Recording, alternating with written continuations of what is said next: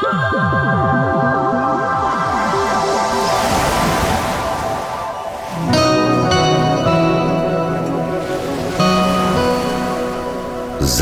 vilnis.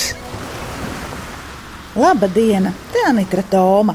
Šodien raidījumā apciemošu Elmu Zadiņu Dundagā. Viņa cep pasaulē labākos sklandu raušus un skaidri zina, ka Latvija pati sev var nodrošināt ar izcilu pārtiku.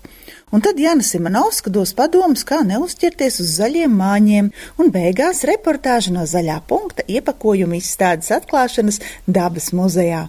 Zaļais vilnis to pateicoties Latvijas vidas aizsardzības fonda atbalstam.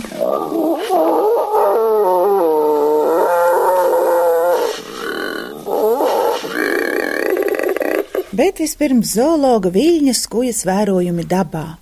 Dienas kļūst aizvien īsākas, bet naktis garākas. Pelēka krēsla nereti valda pat dienas vidū, un šādā laikā jo īpaši vajadzētu atcerēties, ka tur virs mākoņiem ir saule. Dienas putniem šis ir nevisai patīkams laiks, jo tumsā putni jūtas neaizsargāti, bet naktis tagad ir tik garas. Melnā dzilna, kas ir lielākais mūsu dzenis, nu tāda vārnas lielumā, Priedes dobumā nedrīkst aizmigt pārlieku cieši. Te laikus jāsadzird caunas nagu skrapšķi, kuri rodas caunai ātri skrienot augšu pa koka stumbru un nekāda labie nodomi jau tam zvēriņam nav. Pavērojiet, kā vakara krēslā speķa zīles ielien jumta seguma viļņos. Tur ir silti un droši. Putnu būri arī ir laba naktsguļas vieta daudziem mazputniņiem. Sīkie putni nakšņošanai bieži izmanto iedobums uz koku stumbriem, saudabīgas nišas, kur pavada nakti piespiedušies stumbram. Ūdens strazdi nakšņo krasta iedobumos un alās, paceplīši izgāstu koku celmos. Vārnveidīgie putni salasās uz nakšņošanu baros pat vairāki tūkstoši vienu vietu. Pa dienu barojušies pilsētas nomalēs līdz ar tumstu atgriežas pilsētā un apmetas zināmās vietās lielu koku vainagos. Pilsēta naktī ir putniem patīkama, jo ir apgaismota un putni var sajusties droši. Tiem ir ieslēgta saudabīga naktslampiņa un var laikus pamanīt ūpja vai urālpūces tuvošanos. Šonadēļ Kaspars Funs novērojis Rīgas vidū iemaldījušos purvapūci un putnu dienas laikā trenkājušas dusmīgas vārnas. Nu, kā nu nebūs dusmīgs, ja visu nakti jābaidās no ūpja, nu, dienā vārnas sajūtas valdnieces un pamanījušas tēlu, kurš atgādina šo nakts murgu metas tam virsū. Arī cēlona, kura krēslēnajā dienā iemaldījusies ciemā, dabū no vārnām trūkties. Iestājoties naktī, visiem, kas nakšņo mežā, ir jāuzvedas ļoti klusi. Tie nevar daudz knosīties un grozīties, jo vienmēr jāpatur prātā, ka pūce var būt turpat līdzās. Pūcēm šis laiks ir tīkams, nekur nav jāsteidzas, garajā naktī medīt ir tīrā izsprieca. Vēl aizvien upuru populācijās ir daudz jaunu un maz pieredzējušu putnu, un tie ir vieglāk noķerami. Sniegs nesedz zemi un sīkos grauzējus, kuri viegli pamanāmi. Šie ir labi laiki. Kā lielajiem zvēriem, tā sīkajiem zvēriņiem patīk krēsla, ka tie sajūtas drošāk, un vairums no tiem šajā laikā pāriet uz slīdošo grafiku, kad aktivitātes perioda mīs ir atpūta, neskatoties uz to, vai ir nakts vai diena. Ķēģi un ķīvuļi augšņos mielojas ar sēkliņām un taisa pamatīgu jēzgu. Siltais laiks veicina zāles augšanu, un to izmanto stirnas un stalbrieži pļavās, knibinot sīkos, bet garšīgos asniņus. Protams, ziemā lauki ir īsta leiputrija. Stirnu buki lauku māju dārzus bieži vien apciemo dienā, kad cilvēki darbā un suņi istabā. Pelēkais zaķis atpūtā izvēlas uzverta lauka malējo vāgu, kur acīm redzot jūtas droši kā zaldāts ierakumos. Iztraucēts tas aizļepato zibinādams balto ļipu. Zaķis cenšas izvairīties no garas zāles, jo tā saslapina kažoku. Vēl joprojām staigā eži. Pilnīgi iespējams, ka daudzus iztraucējuši piromāni, kas savos dārzos beidzot nolēmuši sadedzināt zarus, lapas un zāli, kas ugunskura vietā stāvējuši kopš septembra. Bet eži šādā kaudzē jau ir ierutinājušies uz ziemu, un nu uguns iztraucēti spiesti meklēt jaunu ziemošanas vietu. Labi ādatainie kamoli nav cieši aizmiguši. Ugunskura dūmi jaucas kopā ar miglu un maitā gaisu. Šajā laikā laimīgs tas, kuram nav kaimiņu, kas ugunskurā vai mājas pavārtā dedzina plastmas un rada indīgus dūmus, kurus smagais gaiss spiež pie zemes un kaķiem, suņiem, bērnu dārza bērniem un arī parastiem gājējiem liek šo smogu elpot, tā nodarot kaitējumu viņu veselībai. Arī dūmi, ko rada gruzdošs laps, nav nekāda dieva dāvana. Āļņu buļļi met ragus, Riests sen jau beidzies, un šie turnīra ieroči rāgi vairs nav vajadzīgi. Nākošais gads izaugs jauni. Aiņu buļļus šajā laikā var novērot pa vairākiem kopā. Tie barojas ar koku zariņiem, viršiem un melenājiem. Vētras vai bebra izgāzt aps, ūdens tūmā ir aļņa laime. Un šo vietu der apskatīt īpaši uzmanīgi, jo varbūt tieši te Alnis būs atstājis ragus, un tā būs jūsu laime. Mežā atskan cūku kviekšana. Šis ir meža cūku riesta laiks, kad vecie kuģi, kuri pārējā gada laikā dzīvoja kā vientuļnieki, tagad seko cūku bariem un saužot, ka kāda no cūkām gatava pāroties, ir klāt kā likts. Cūku kāzas var ievilkties vēl jaunā gada sākumā. Šāda kārtība ļauj apieties visām cūkām, kas uz to ir spējīgas. Ja visas cūkas meklētos vienlaicīgi, kuģiem nepietiktu jaudas un resursi, un daudzas cūkas paliktu ālavās. Turklāt lielo kuģu ir daudz mazāk kā potenciālo sivēnmāšu. Janucuņiem un lapsām, tāpat kā kraukļiem un ērgļiem, īpaši tīk nedēļas nogals un pirmdienas, kad visā Latvijā pilni meži ar medību atliekām.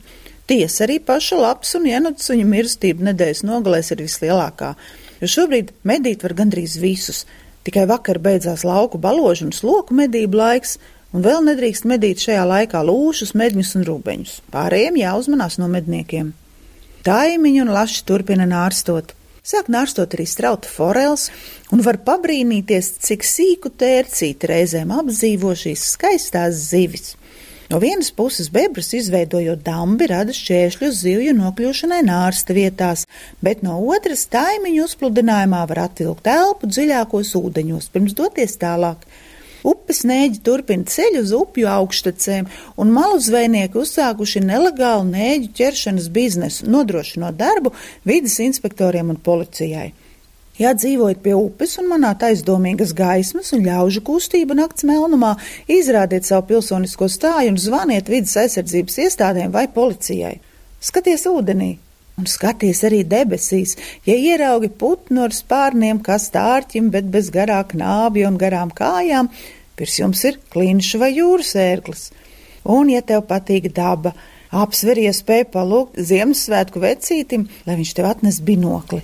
Un tad tu būsi pārsteigts, kāda pasaules aina atklāsies un galvoji, ka ieraudzīsi, melnais nemaz nav melns un šķietam pelēkais nav pelēks. Piemēram, taimiņu strautu šajā laikā dzīvību piepilda kā nekad citkārt, un virs tā ik pa laikam aizlido zivju dzenītes. Un zivju dzenītis ir koši kā vasara. Dzīve ir krāšņa.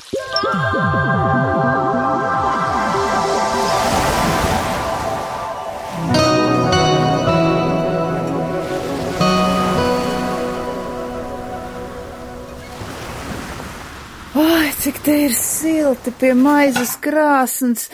Elma zadiņa rosās ap maizīti. Ko jūs te darat? Nu, patiešām maizīti krāsnī tāpēc es nemaz nevaru pļāpāt. Un tas kumosiņš, kam tas? Tas būs kādreiz sauc zaķkukuls, tagad sauc par tēva rausi.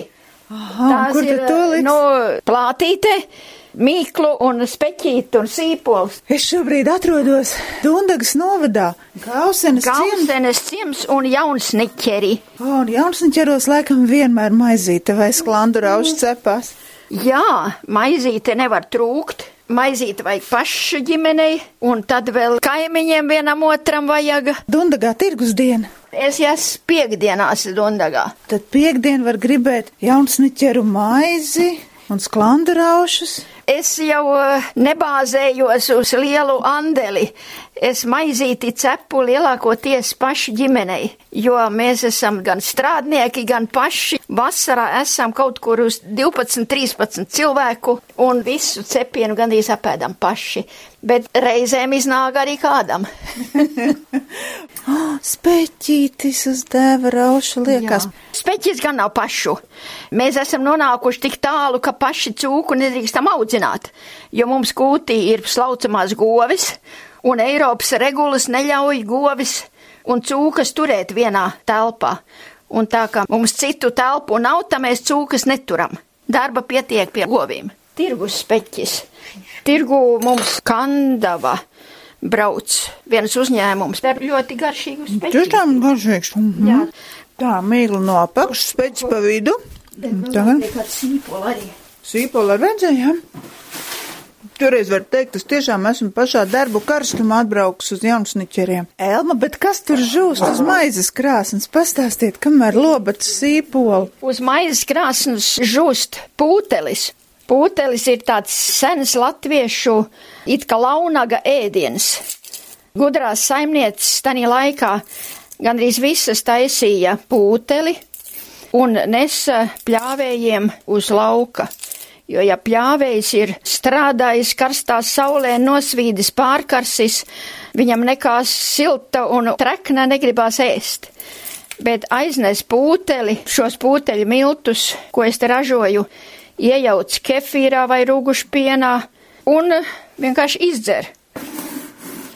Tāds seno laiku jogurts. Jā, ja pieliek klāt vienu mājas ievārījumu, tad ir mājas jogurts ar dabīgiem produktiem. Un galvenā pūteļa vērtība ir augstā šķiedrviela. Pārtiks tehnoloģija Elgavā mums analizēja un atzina, ka 20% ir šķiedrvielas saturs. Un zinātnieci secināja, ka graudu vārīšanas rezultātā tā šķiedrviela tādi tapus cieti pārveidojas. Kādi graudi tur ir? Pašu saimniecībā audzēti rudzi, kvieši, un uh, arī reizēm es varu iegādāties stendas selekcijas stacijā kailgraudu miežus, jo miežus ar visu plēks nepieliks, zīriņi vēderiem nepatīk, un tā es izmantoju mūsu vietējos produktus - rudzus, kviešus, miežus. Un kur tā malšana notiek? Malšana notiek arī mājās, jo mums ir elektriskās dzirnavas. Un es tik noklausos, ka dietologi doktori saka, rupja maluma milti tīra organismu, un organismam ir vajadzīgs pienskābes baktērijas un šķiedrviela. Un šis pūtelis ir tieši tas, jo viņam ir pienskābes baktērija kā kefīrs, vai rūgušpiens, vai paniņas, un klāt ir pūteļu milti, kas ir tīrā šķiedrviela. Bet kā ar to ķimikāliju lietošanu uz laukiem, jo, laikam, tie graudi netiek bioloģiski certificēti audzēti? Bioloģiski certificēti netiek, bet viss jau notiek ar mēru. Kāda minerāla viela arī ir augam vajadzīga. Ne augs grib augt bez minerāla vielām, ne cilvēks, ne lops. Protams, ķīmiju nevar gāzt virsū, bet minerāla vielas pēc manas saprašanas, es arī esmu agronoma, pēc manas saprašanas nekas neaug. Mums pat ir tāda zemīte man no tēva mantotā, kur absolūti nekas neauga. Bet tikko mēs nokaļķojam, tad pilnīgi āboliņš atradās. Tā kā augam, dzīvniekam un cilvēkam visiem tās minerāla vielas ir vajadzīgs. Un tagad Elma liekam tam tēva rausim virsū mīklas cepurīti. Jā. Un pipars arī, jā? Jā, Ah, cik smuki. tā. Tagad tā sakasnītis cepurīte. Jā. No visiem, visiem atlikumiņiem tiek izkasīta To mēs abra. vēl sakasīsim, lai kāds caurumiņš nepaliek neapsekts. Un šeit ir gan maizes krāsns, gan arī tāda moderna elektriskā krāsns, un šeit top tie izslavētie sklandu rauši. Jā, es ilgus gadus cepu šī pašā maizes krāsnī, bet gadi iet uz priekšu arī man pašai, un ļoti apgrūtinoši ir milzīgā karstumā strādāt. Un, lai drusku atvieglinātu savu darbu, piedalījos Eiropas projektā par māju ražotāju iespēju modernizēt savu ražošanu. Un tā es iegādājos elektrisko krāsni, un tagad es sklandraušu cepu elektriskajā krāsnī. Elmas zadeņas sklandu rauši ir brīnumaini, jo Elma prot iejaukt īpašu mīklu sklandu raušiem, ir pavisam plāna tā mīklas maliņa, kaut ko tādu es nebiju vēl ēdus. Es domāju, ka tās ir veco saimnieču mācība ka es tādus cepu es nemāku augstā ūdenī bez taukvielām iejaukt un biezu iztaisīt. Uzvāru ūdeni, izkausēju taukvielas un vārošā arī iejaucu miltus. Un tad uh, viņš iznāk raukšķīgs, sakožams. Nav tā, ka man pensionāri saka, es varu zobus izlaust ar tām garozām. Bet nu, tas ir tāpēc, ka acīm redzot, vai nemāk, vai skopojās. Un tās apakšustais tik biezas un tik cietas, ka zobi netur. Tā tēva rausis ir uzmūrēts, un tagad skatīsimies, kas tur notiek. Jā, maizīt jau kādu pusstundu ir cepusies. Priekšā oh. diezgan balbi, bet aizmugurē ir brūni, Jā. jo man pēc pusstundas viņi ir jāpārmet. To, kas priekšā, tos aizmugurē, un kas ir aizmugurē, tos priekšā. Jo krāsnes kurināšana, tā ir laikam fizikas likumi, jo priekšpusē uguns skrien prom uz krāsnes aizmuguri, un tā augša tā nesakarst, un tāpēc priekšpusē viņa vēl ir gaiša tā maizīte bet aizmugurē, kur tas karstums viss ir aizgājis, tur ātrāk izcepās tā maizīte. Un tāpēc puslaikā viņi ir jāpārmaina vietām. Elma, bet vai tos jūs ražotos lauku labums var tikai piekdienās Dundagas tirdziņā nopirkt? Tā ir, jā. Tikai Dundagā. Ja mani kāds paicina uz tiem lielākiem gada tirgiem, uz Miķeļiem, uz Mārtiņiem un Ziemassvētkiem, tad es arī kaut kur aizbraucu. Cilvēki jau gaida. Man bija tā lielā laime, organizējot fotokonkursu Līterē 90, arī cienāt fotokonkursu dalībniekus un viesus ar Elmas Zadiņas septiem sklandu raušiem un galdu klāja trīs pavāru restorāns, un pie viņiem tieši šobrīd pavārs no Argentīnas viesojas.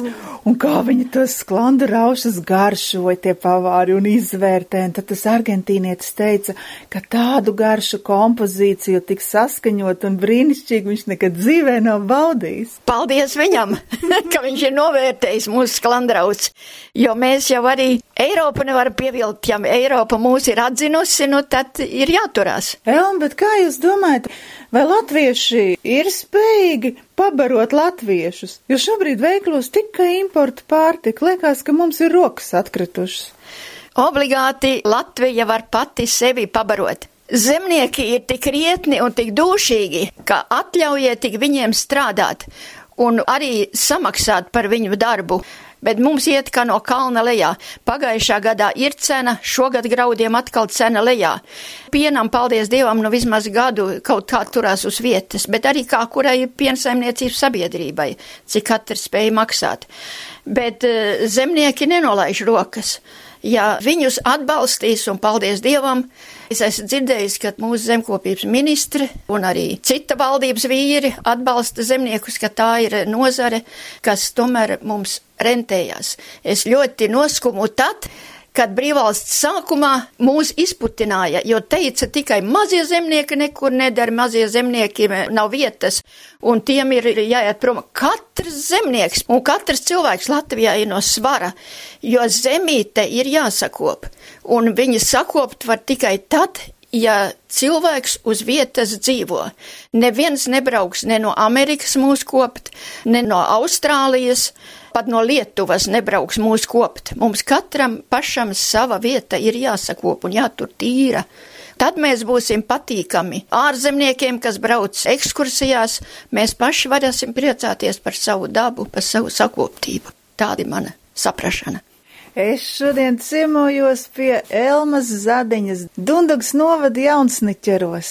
Piekdienās, ja braucat cauri Dundagai, paskatieties, vai tirgu nav arī Elma Zadiņa.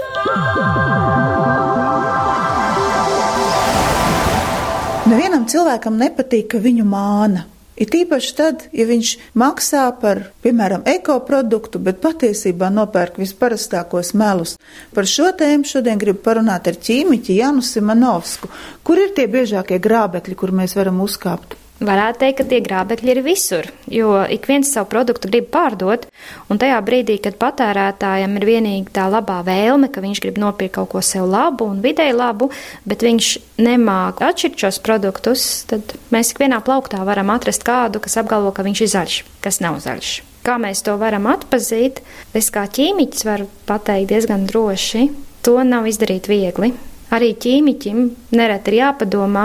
Es esmu nopirkusi krāsas buņģu, kas saka, ka mēs esam ļoti labi, mēs esam eko, un tad es pastos šī krāsa satura gaistošos organiskos savienojumus. Protams, likumdošanā noteiktās robežās, bet atkal mēs te varam diskutēt, jo gaistošie organiskie savienojumi atmosfērai kaitīgi. Vai mēs varam to uzskatīt par eko vai nē? Es teiktu, drīzāk nevaram uzskatīt par eko. Ko es patērētājiem ieteiktu, ir atpazīt eh, labus ekomarķējumus, jo labs pazīstams ekomarķējums ir viens no veidiem, kā jūs tomēr varat paļauties un ticēt, ka kāds to produktu ir pārbaudījis un redzējis, ka tas atbilst eko. Nu, jā, uz ļoti daudzām buļģiņām ir rakstīts bez konservantiem, green garantija, ekošmeko. Nekam tādam nevajadzētu ticēt. Es, piemēram, esmu redzējusi uzrakstu bez konservantiem, un tai pašā laikā tas konservs satur eh, nātriju glutamātu, pret ko ļoti daudziem citiem cilvēkiem ir iebildumi. Vienīgais, kas man pārliecinātu, būtu, ja man vecmāmiņa atnestu, ko es zinu, ko viņa audzē, vai arī, ja būtu, piemēram, Eiropas zaļā lapiņa virsū pārtiks produktam, ka tas ir Eiropas bioloģiskās lauksainīcības produkts. Nesen es lielveikalā nopirku sauso buljonu ar zaļo lapiņu, ļoti pazīstams firmas ražojumu. Man liekas, ka vispār sausais buļļons nekad nevar būt nekas ļoti veselīgs un prātīgi cilvēki paši mājās gatavo un nevis ber kaut kādus pulverīšus klāt. Un šeit man liekas, ka tie lielie globālie ražotāji jau ir šo mūsu vājību pamanījuši un ražo visādus dīvainus produktus, eko čipšus, eko kolas, eko buļļonus. Viss tādi mums ir eko un beig galā naudas nav un veselības arī nav, bet es taču ēdu ekoloģiski. Tā, protams, ir atkal otra lieta. Jebkuram cilvēkam ir jāzina, kas ir veselīgs uzturs un kas ir veselīga uztura piramīda. Ja mēs nopērkam eko čipšus, un ja mēs viņus ēdam vienreiz mēnesī, es domāju, tur nebūtu liela problēma. Problēma ir tad, kad mēs izdomājam, ka tāpēc, ka tas ir eko, tad mēs, mēs viņu varam ēst katru dienu. Tāpat ir arī ar konfektēm. Ja konfektes, kurām ir virsū eko, ja bērns viņus ēd reizi nedēļā, Nu, labi, reiz pāris dienās viss būs kārtībā. Ja mans bērns pārtiks tikai no eko konfektēm, pilnīgi noteikti ar viņu veselību nebūs viss kārtībā. Tad dzīvot zaļi nozīmē arī draudzēties ar veselo saprātu un loģisko domāšanu. Savādāk nav iespējams. Vienīgais, kas atliek, ir mācīties. Tad parunāsim par sadzīves ķīmiju. Es arī te jau pieminēju green garantiju un ekošmekā un tam līdzīgi, un arī nopirku veļas mazgājumu līdzekli šķidro, un uh, otrā pusē viņam oranžā laukumā melns krusts. Tātad tā ir kodīga, indīga viela, kā viņa var būt ekošmeko. Man ir jāstāsta, kas ir bijis certifikāta izsniedzējs. Ja es uzticos šim certifikāta izteicējiem, es varu paļauties, ka tas ir eko. Es vienmēr skatītos, kurš ir tas, kurš apgalvo, ka šis produkts ir eko, un es neticētu nevienam, kurš saka, ka mēs garantējam. Nu, tad jā, aizjām zvanus. Es tev, es tev parādīšu. Citādi mēs te tā runājam, runājam. Ā, tu arī vienu kaut kādu paciņu paņēmi šodien līdzi. Kas tev tur ir?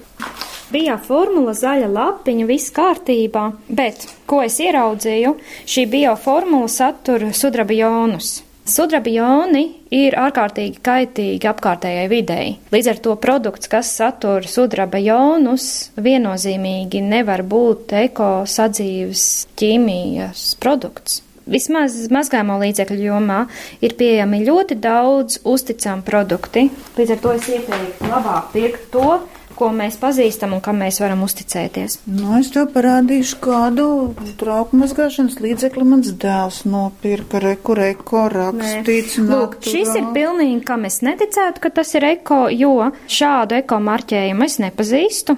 Ļoti ticams, ka šis ražotājs pats ir izdomājis savu eko marķējumu un pats sev nomarķējis. Protams, viņš grib. Bet asmas un alerģijas biedrība ir teikusi, ka tas ir labs un tu netici. Nu, es vienmēr gribētu redzēt tos kritērijus, kāpēc astmas un alerģijas biedrība saka, ka tas ir labs.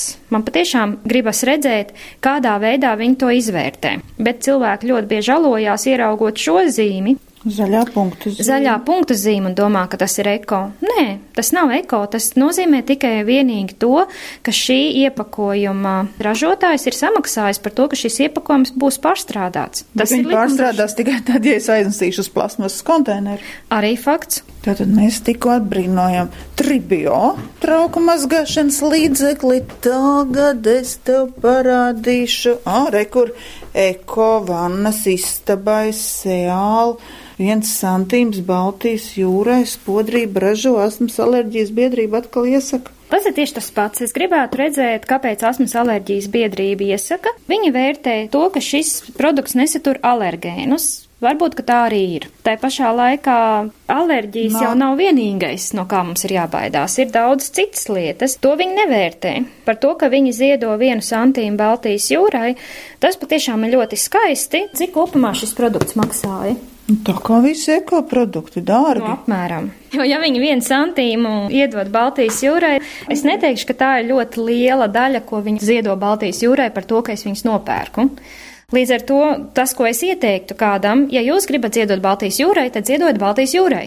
Bet pērkiet tādus produktus, kādi jums ir nepieciešami. Un lieki nelietot visādi sadzīves ķīmiju. Atkal. Es vienmēr rēķinos, ja viņam nav eko certifikāta, tā tad nevarēja dabūt. Nevienmēr tas tā ir, tāpēc, ka ekosertifikāts arī prasa ļoti rūpīgu sagatavošanos no ražotāja, bet, ja es gribu nopirkt ekoproduktu, es pērku atpazīstamu ekomarķējumu. Tā, kas man šeit vēl ir? Neitrāli. Tas, ko viņi vienīgi pasaka, ka ļoti iespējams, ka šajā produktā nav alerģiskas vielas, bet vairāk jau arī neko viņi nepasaka. Man liekas, ka es dzīvoju zaļi, bet no visiem maniem mazgāšanas līdzekļiem laikam tikai soda sans atbilst stingriem kritērijiem, jo šeit Jā. ir ekocerts zīme. Jā, soda sanu es ieteiktu. Tas ir pazīstams ražotājs. Par dažādiem viltus un īstiem zaļiem produktiem mums šodien rosināja aizdomāties ķīmiķe Jāna Simonovska.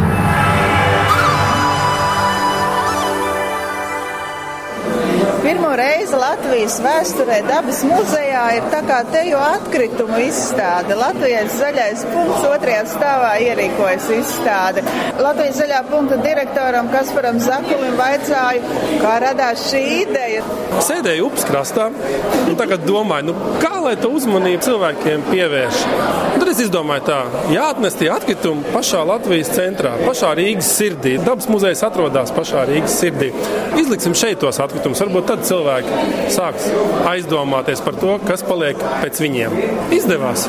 Tagad mēs te esam līdz 1. decembrim. Iedzīvotāji var nākt. Ļoti mēs ceram uz bērniem, ka tie nāks un skatīsies. Vai no bērniem jau te nevar glābties? Mums pat īsti nav kur nostāties. Viņi tik aizrautīgi rotaļājas. Jā, jā nu šī ir ļoti brīnišķīga spēle, jo bērniem vajag atraktivitāti. Bērniem patīk, ka kaut ko var paši darīt, vai nu arī kaut kas ekrānos kustās. Šeit bērni paši var lasīt, atbildēt uz jautājumiem un sacensties savā starpā. Patiesībā tā šķirošana jau nemaz nav tik smaga un grūta. Tas viss ir no, iepakojuma vēsture sākās jau pirmajā gada tūkstotī. Jā, apmēram kaut kur tur. Kas par zakuli? Ko tu noteikti gribētu pateikt visiem mūsu klausītājiem?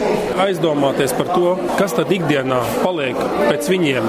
Nu, atkritumi ir viena no tām lietām, kas paliek pēc mums un, vēl ilgi paliek. Tāpēc nāciet uz dabas muzeju un paskatieties un palasiet to informāciju, ko mēs esam centušies sniegt par to, kas tad tur ir tajos atkritumos un ko mēs varam darīt, lai viņi kļūtu vai nu mazāk, lai viņus varētu arī pārstrādāt. Jāna Duhovska no ekomēdijas ir izveidojusi šo iepakojumu izstādi. Mazliet pastāsti, kā tu iecerēji šo izstādi, jo ļoti daudz gadus jomā strādā tieši audzinot cilvēkus no maziem līdz lieliem. Tā daļa, pie kuras es esmu pielikusi roku, sākas šeit ar iepakojumu vēsturi. Iecerot informāciju un noformulējot jautājumus un atbildes, es vadījos, protams, no pieredzes, jo ir runāts ar cilvēkiem, ir daudz runāts ar bērniem un diezgan skaidri zināms, kas ir tie robi zināšanās un kas ir tā skepse attiecībā pret uh, daudzām lietām un uh, kas ir tas, kas pietrūkst. Otrs, es skatījos arī uz to, kas varētu interesēt manai meitai, manas māsas bērniem. Tāpēc arī tā izstāde ir tāda iespējami viegla, saturiski un iespējami interesanta. Sevišķi droši vien tā vēstures sadaļa varētu būt tāda fifīga. Bet nu, man pašai visvairāk gandarītā tā pēdējā sadaļa, kurā ir pārstrādes paraugi. Viens ir dzirdēt, otrs ir redzēt, trešais ir pat aptaustīt, ko šī izstāde dod tādu iespēju. Un, un es domāju, ka cilvēki varētu būt arī pārsteigti par to, kas tiek pārstrādāts tepat Latvijā. Jo, ja mēs skatāmies uz to planšetu, uz viņas ir atainoti septiņi materiāli, un sešus vai pat septiņus no viņiem var pārstrādāt Latvijā. Vienīgais ir stikls, kas tiek vests uz Ukrainu vai Lietuvu. Mani šī sadaļa gandarīja, iedvesmo. Es domāju, ka tieši šī planšeta, kas stāsta, kas notiek pēc tam, varētu pārliecināt skeptiskos. Cik ilgi apskatām izstāde būs dabas muzejā? Līdz 1. decembrim ieskaitot, tā ir svētdiena. Zaļais vilnis izskanējis. To sagatavoja Anita Toma, montēja Inga Bēdele. Raidījums tiek gatavots pateicoties Latvijas vidas aizsardzības fonda atbalstam.